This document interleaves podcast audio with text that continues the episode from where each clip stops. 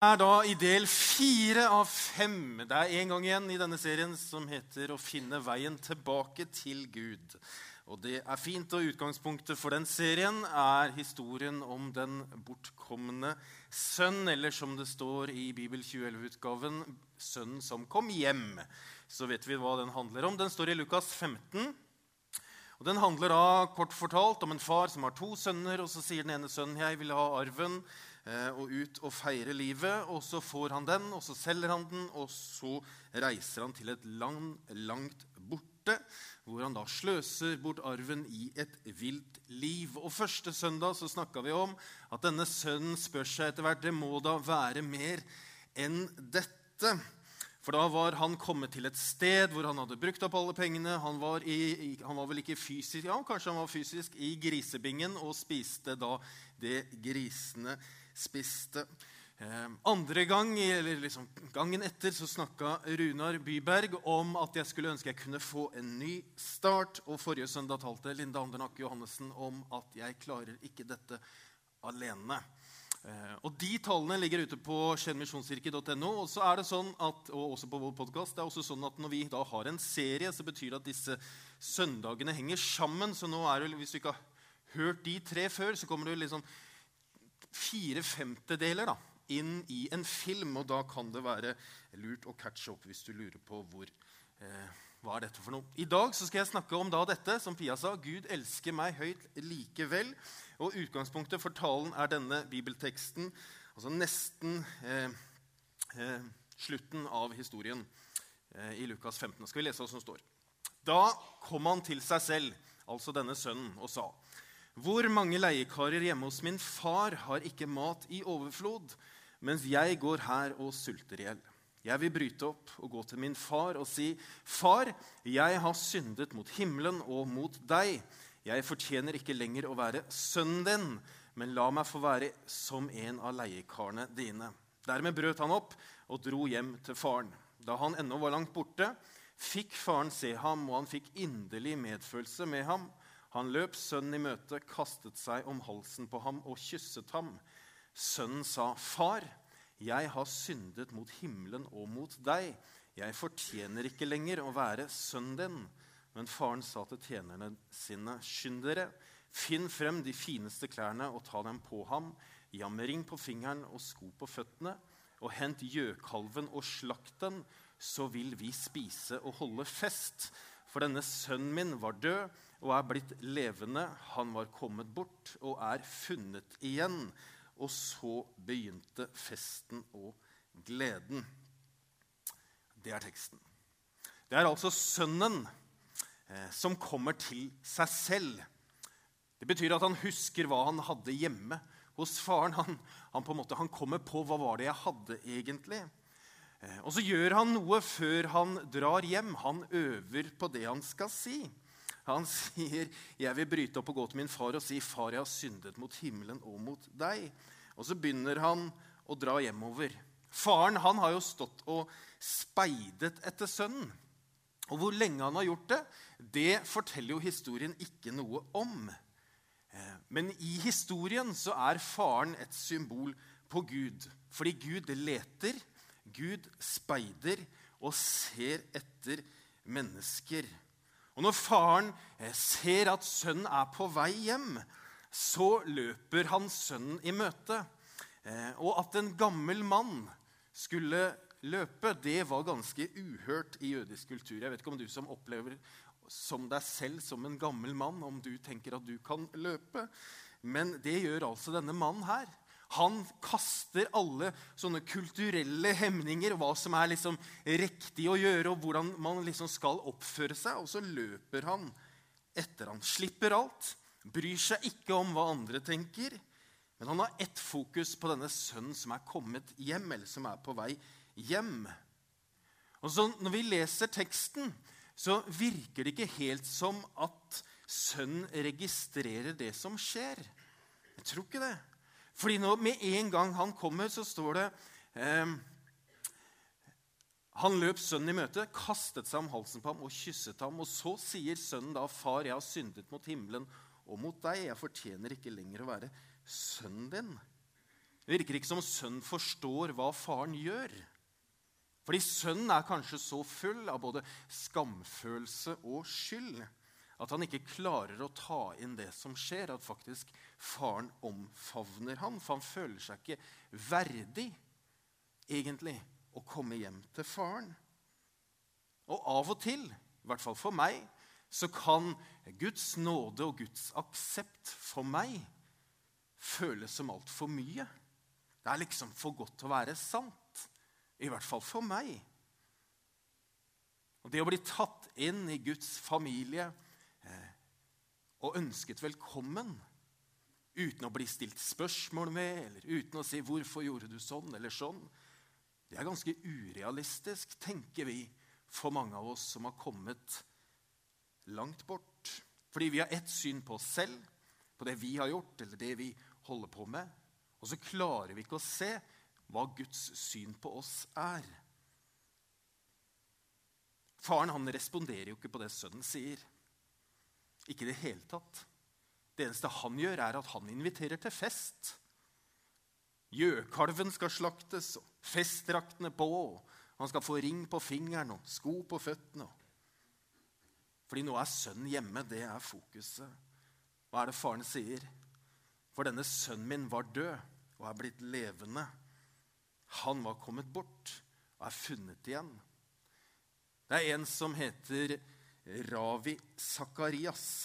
Han sier Jesus kom ikke for å gjøre dårlige folk gode, eller for å gjøre gode folk bedre, men han kom for å gjøre døde mennesker levende. Denne sønnen min var død og er blitt levende. Han var kommet bort, og han er funnet igjen. Jeg har lyst til å be en bønn som står her. Gud, hvis du virkelig finnes, så vis deg for meg. Vekk i meg en visshet om at jeg er ditt barn, og at du elsker meg betingelsesløst. Jeg tror det er vanskelig for oss å forstå hvor mye eh, en persons rykte betydde på Jesu tid. Eh, kanskje vi kan forstå det litt, men eh, et nederlag i den kulturen var jo aldri bare individuelt. Det handla aldri bare om meg, liksom. Men det kasta en sånn skygge over en hel familie.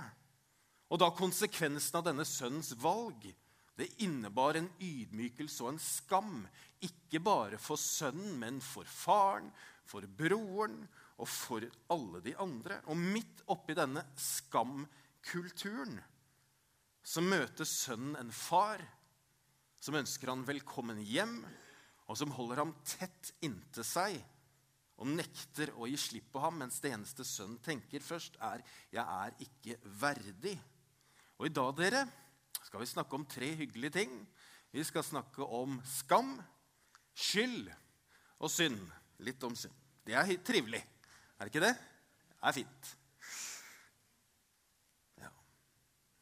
For når vi leser denne historien her, da, eller denne delen av historien, så er det lett å se at eh, sønnen er full av skam for noe han har gjort. Han har jo helt klart skyld i noe. Det er jo han som har bedt om arven. Det er jo han som har sløst den bort. Eh, det er jo han som har levd et vilt liv. Det er jo hans skyld. Og skylden for det han har gjort, har gjort at han har blitt full av skam. Og tenk om denne skamfølelsen som han hadde, hadde, vært, hadde gjort at han ikke hadde reist hjem til faren igjen. Det er jo mange av oss som kan kjenne igjen disse følelsene, i hvert fall meg. At du kan ikke gå tilbake, du. Nei, Du er ikke verdt noe lenger. Du betyr ikke noe. Det er ikke mulig å elske deg igjen. Tenk på hva du har påført dine nærmeste. På faren din eller på moren din. Eller. Det er ikke noe flere sjanser for deg, vet du. Du fortjener i hvert fall ikke det. Flere sjanser. Og så har jeg tenkt, Hva er forskjellen på skam og skyld. Og Ganske enkelt så kan vi si at vi utøver skyld, men vi er vår skam. Og Det å bli skyldig i noe, det handler om at vi på en eller annen måte har gjort noe, eller unnlatt å gjøre noe, som går utover andre mennesker. Og i den kristne troen eh, så kalles vi i slike tilfeller til å bekjenne det vi har gjort, som synd. Og be om tilgivelse både hos Gud og hos andre mennesker. Fordi vi har gjort noe galt, noe vi har skyld for. Og da trenger vi å gå til korset og bekjenne det som synd, og så får vi Guds tilgivelse. Og Det er derfor Johannes skriver at dersom vi bekjenner våre synder, så er han trofast og rettferdig, så han tilgir oss syndene og renser oss fra all urett. Det betyr at skyld er det vi gjør, knyttet til våre handlinger. Litt enkelt sagt. Til initiativet. Og Da handler det om å ta ansvar for det innrømme skylden, gjøre opp og be om tilgivelse. Det er jo sånn vi gjør i barneoppdragelsen.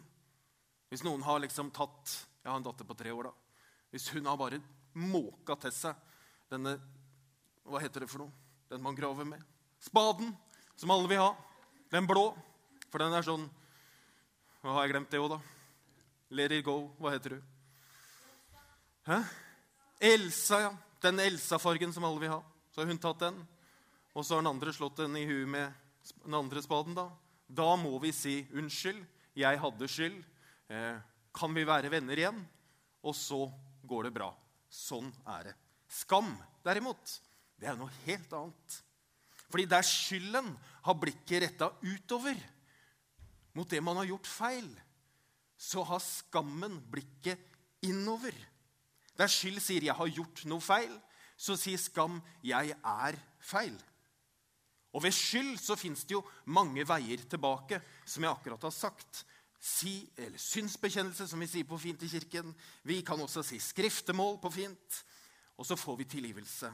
Men ved skam så føles det som at det ikke er noen vei tilbake. Og man blir liksom etterlatt i en sånn vond følelse av mislykkethet og ikke strekke til, ikke være verdt noe, at vi er håpløse. Fordi skylden er det vi gjør, men skam handler mer om hvem vi er. Og så er skammen veldig tydelig å lese. I gamle dager så hadde vi skammekrok. Forferdelige greier.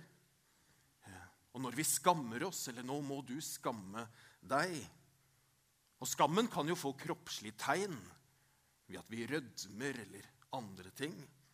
Men vi ser bort ofte. Vi ser ned. Vi prøver å skjule oss. Vi blir tause.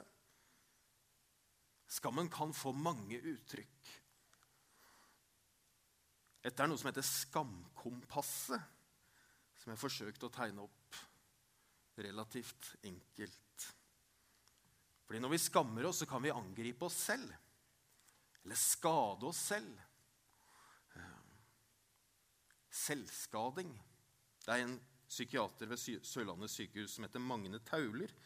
Han sier at på overflaten kan det se ut som de fungerer normalt, mens de i virkeligheten kan slite med angst, depresjon og selvmordstanker. Det er ofte kvinner i ung alder som selvskader. Det kan også handle om spiseforstyrrelser. Og så kan det handle om at vi blir skamløse, altså vi blir helt uten hemninger og grenser og verdighet. Så kan vi angripe andre. At vi blir verbalt aggressive eller fysisk aggressive og tyr til vold. og Ønsker alltid å vinne en diskusjon, kanskje. Eller. Og så kan vi trekke oss tilbake i oss selv, isolere oss, unngå andre mennesker og bli stille og være ensomme.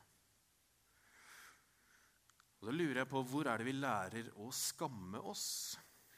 Det kan jo være mange steder.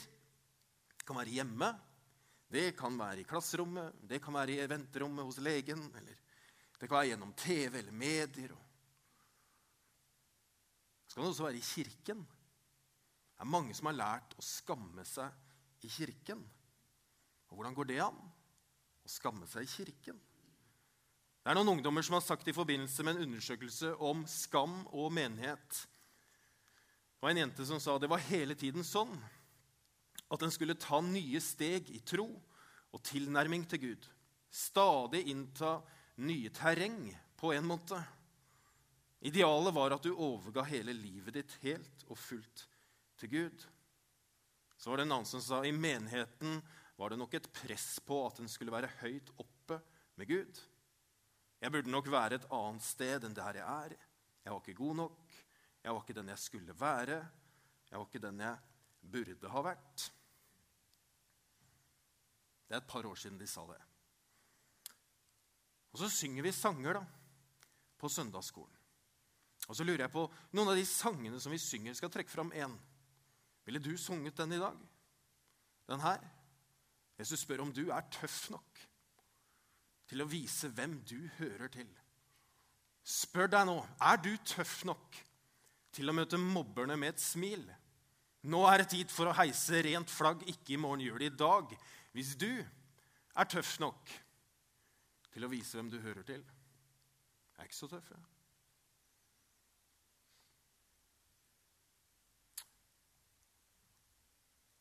regner jeg med jeg får mange sinna mailer etterpå også. Nå skal jeg trekke fram to lovsangstekster. Gud, jeg gir deg mitt liv, mitt hjerte og min sjel. Jeg lever kun for deg. Hvert minutt som jeg har, hvert åndedrag jeg tar. Din vilje skje i meg. Jeg lever kun for deg. Hvert minutt som jeg har, hvert åndedrag jeg tar. Din vilje skje meg. Så kan vi fokusere på det å erfare Gud. Jeg vil bare leve. Jeg vil bare være nær deg, Gud. Det er det eneste jeg vil. Jeg vil bare være nær deg, Gud. Kjenne at jeg lever i din nåde hver en dag til ditt behag. Mitt hjerte fylles opp av gode ord. Det er helt umulig å beskrive hvem du er med bare ord. Peter Hallor sier at vi må befri oss fra følelsenes, opplevelsenes og erfaringenes tyranni. Det vi i hvert fall må gjøre, er å snakke sant om hvem Gud er, og hvordan livene våre er. Sant om livet og sant om Gud. Og kanskje vi bør gå en runde i forhold til hvilke sanger vi synger, spesielt for de som er yngre enn meg. For det jeg lurer på, da Er det greit å ikke få til alt? Er det greit? Er det greit å ikke mestre alt? Er det greit å ikke føle alt alltid? Ikke, hvert, ikke selv om jeg ikke klarer det hvert eneste åndedrag jeg tar, er det greit? Er det greit å være sårbar? Er det det? Trivelig, sant? Ja. Så hva gjør vi da med skyld og skam?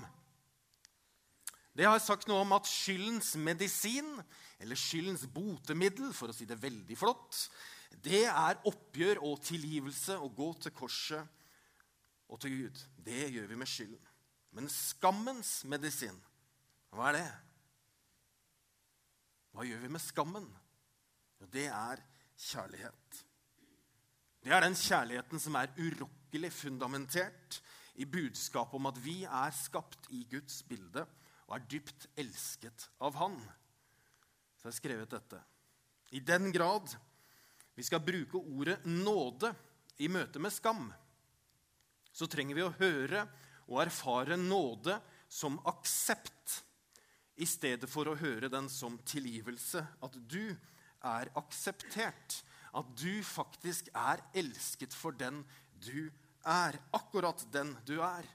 Fordi skammen har jo sitt opphav i noe som er påført oss fra andre mennesker ofte. Fra noe vi har hørt, fra noen som har svikta oss, eller noen som har latterliggjort oss, eller noen som har mobba oss eller krenka oss, som gjør at denne følelsen den planter seg i min identitet. Og vet du hva? Du skal ikke be om tilgivelse for noe som andre har påført deg. Og derfor å gå og be om tilgivelse for vår skam blir egentlig helt feil.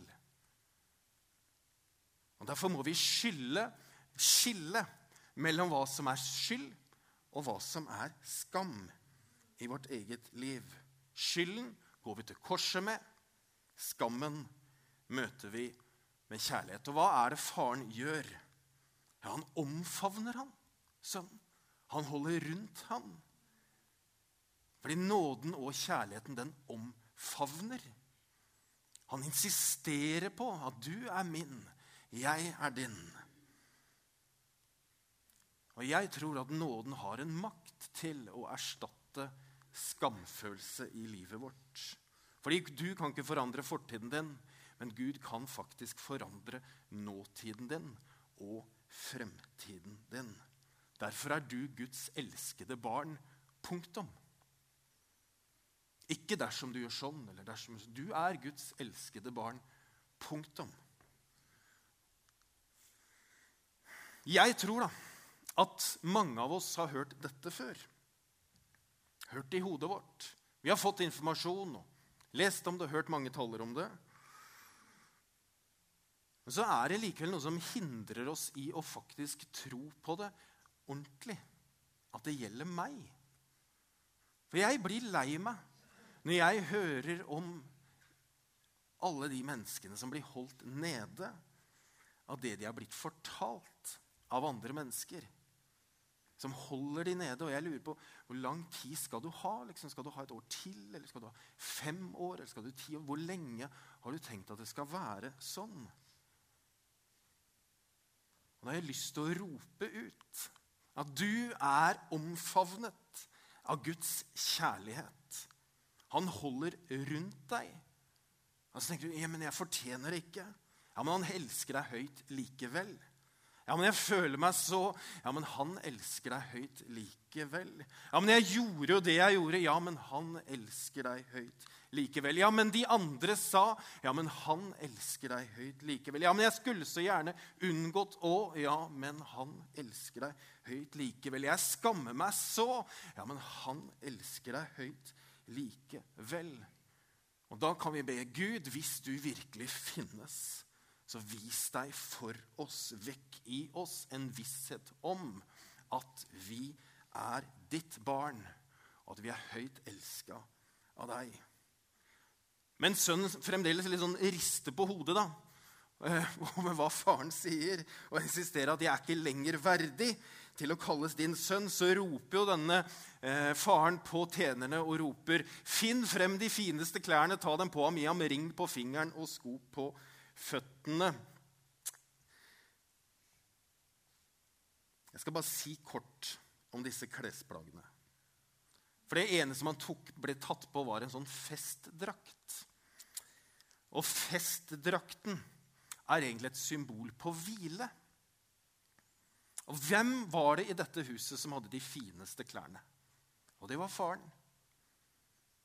Ikke, han ble ikke kledd på bare en sånn gammel kappe eller noe som lå henslengt. Og i hvert fall ikke noe som var ikke strøket. De hadde jo strykejern på den tiden. Men det var jo festdrakten han fikk på. Bunaden eller smokingen eller festkappen. Det var det han fikk på, som symboliserer hvile. Og så henta faren en ring. En ring, ja. Som er et symbol på trygghet. Gjennom hele historien, Hvis du var i nærheten av en konge, så var det veldig vanlig å kysse ringen til kongen. Og det å gi en ring til noen var det samme som å si nå får du myndighet. Et tegn på velstand og verdighet. Og ved å gi ring til sønnen så sa far nå trenger ikke du noen gang lenger bekymre deg for velstand eller økonomi. For nå alt jeg har, det gir jeg til deg. Og dette er symbolet på det. Og så er det dette med disse skoene, eller sandalene, som man tar på. Som er et symbol på aksept. For I et jødisk hjem på den tiden så var det egentlig bare huseierne som gikk med sandaler eller sko. Altså Slaver og tjenere de gikk barføtt. Og Sønnen kom jo mest sannsynligvis hjem uten sko. Og Når faren tar på ham disse skoene, så sier han, 'Velkommen hjem. Du er ikke lenger en slave eller en tjener, men du er min sønn.' Jeg har lurt litt på Når det går opp for denne sønnen hva som har skjedd. Når var han liksom fikk tak i det? At han nå var ordentlig tilbake hos faren? Kanskje det var når han var på festen med denne gjøkalven og alle folkene og all musikken Arne Olav spilte. og Det var helt topp. Kanskje han når han så seg rundt, at fortiden og skammen var blitt forløst ved nåde. Hva gjør man da? Ja, Paulus skriver noe om det. Hva gjør man da? Når man oppdager hva man har fått. Når man oppdager hva Gud har gjort. Han skriver det i Efeserbrevet. Der skriver han derfor bøyer jeg mine knær for Far, Han som har gitt navn til alt som kalles Far, i himmel og på jord. Må Han som er så rik på herlighet, gi deres indre menneske kraft og styrke ved sin ånd. Må Kristus ved troen bo i deres hjerter, og dere stå rotfestet og grunnfestet i kjærlighet må dere sammen med alle de hellige bli i stand til å fatte bredden og lengden, høyden og dybden, ja, kjenne Kristi kjærlighet som overgår all kunnskap, må dere bli fylt av hele Guds fylde. Han som virker i oss med sin kraft og kan gjøre uendelig mye mer enn det vi ber om og forstår ham være ære i Kirken og i Kristus Jesus gjennom alle slekter og evigheter. Amen. Når vi forstår hva Gud har gjort for oss, hva Hans nåde handler om, hva Hans kjærlighet handler om, da bøyer vi våre knær for Han og hyller Han som konge i vårt liv. Fordi til ham kan vi komme med våre liv akkurat sånn som de er. Da kan vi komme til korset med vår skyld og vår synd. Og da kan vi komme til hans kjærlige, omfavnende armer med vår skam. Vi kan komme med vår bekymring, vi kan komme med vår mismot. Det som har holdt oss nede, som har bindt oss fast. Og så gir vi det til han. Og så kler han på oss en kappe med verdighet, med kjærlighet og med tilhørighet. Så tar han på seg en ring som gir oss trygghet for tilværelsen i dag. Og så tar han på oss sandaler og sko for at ikke vi skal være slaver eller tjenere, men fordi vi er hans. Philip skriver, nei, Paulus skriver til Filippebrevet, til filipperne. Vær ikke bekymret for noe, men legg alt dere har på hjertet, framfor Gud. Be og kall på ham med takk. Og så sier Jesus, 'Kom til meg, alle dere som strever og bærer tunge byrder, og jeg vil gi dere hvile.' Far i himmelen, takk for at vi kan komme til deg med livene våre, akkurat sånn som de er. Takk for at du møter oss med en kjærlig omfavnelse. Fordi du aksepterer oss. Fordi du har skapt oss sånn som vi er. Og når vi gjør dumme ting, så bekjenner vi det for deg, og du oss tilgivelse. Herre, jeg ber om at du skal sette oss fri fra den skammen som binder oss, som andre har påført oss, og som vi ikke er skyld i sjøl. Hjelp oss, Herre, til å se hva vi skal gjøre med det. Hvem vi trenger å snakke med for å få orden på dette. Nå vet ikke jeg hvor dette lander, Herre. Men jeg ber om at du skal gi oss visdom, så vi kan vite hva vi skal gjøre med det vi har hørt. Og så ber jeg om at du skal gi oss mot til å faktisk gjøre det. Det ber jeg om. I Jesu navn. Amen.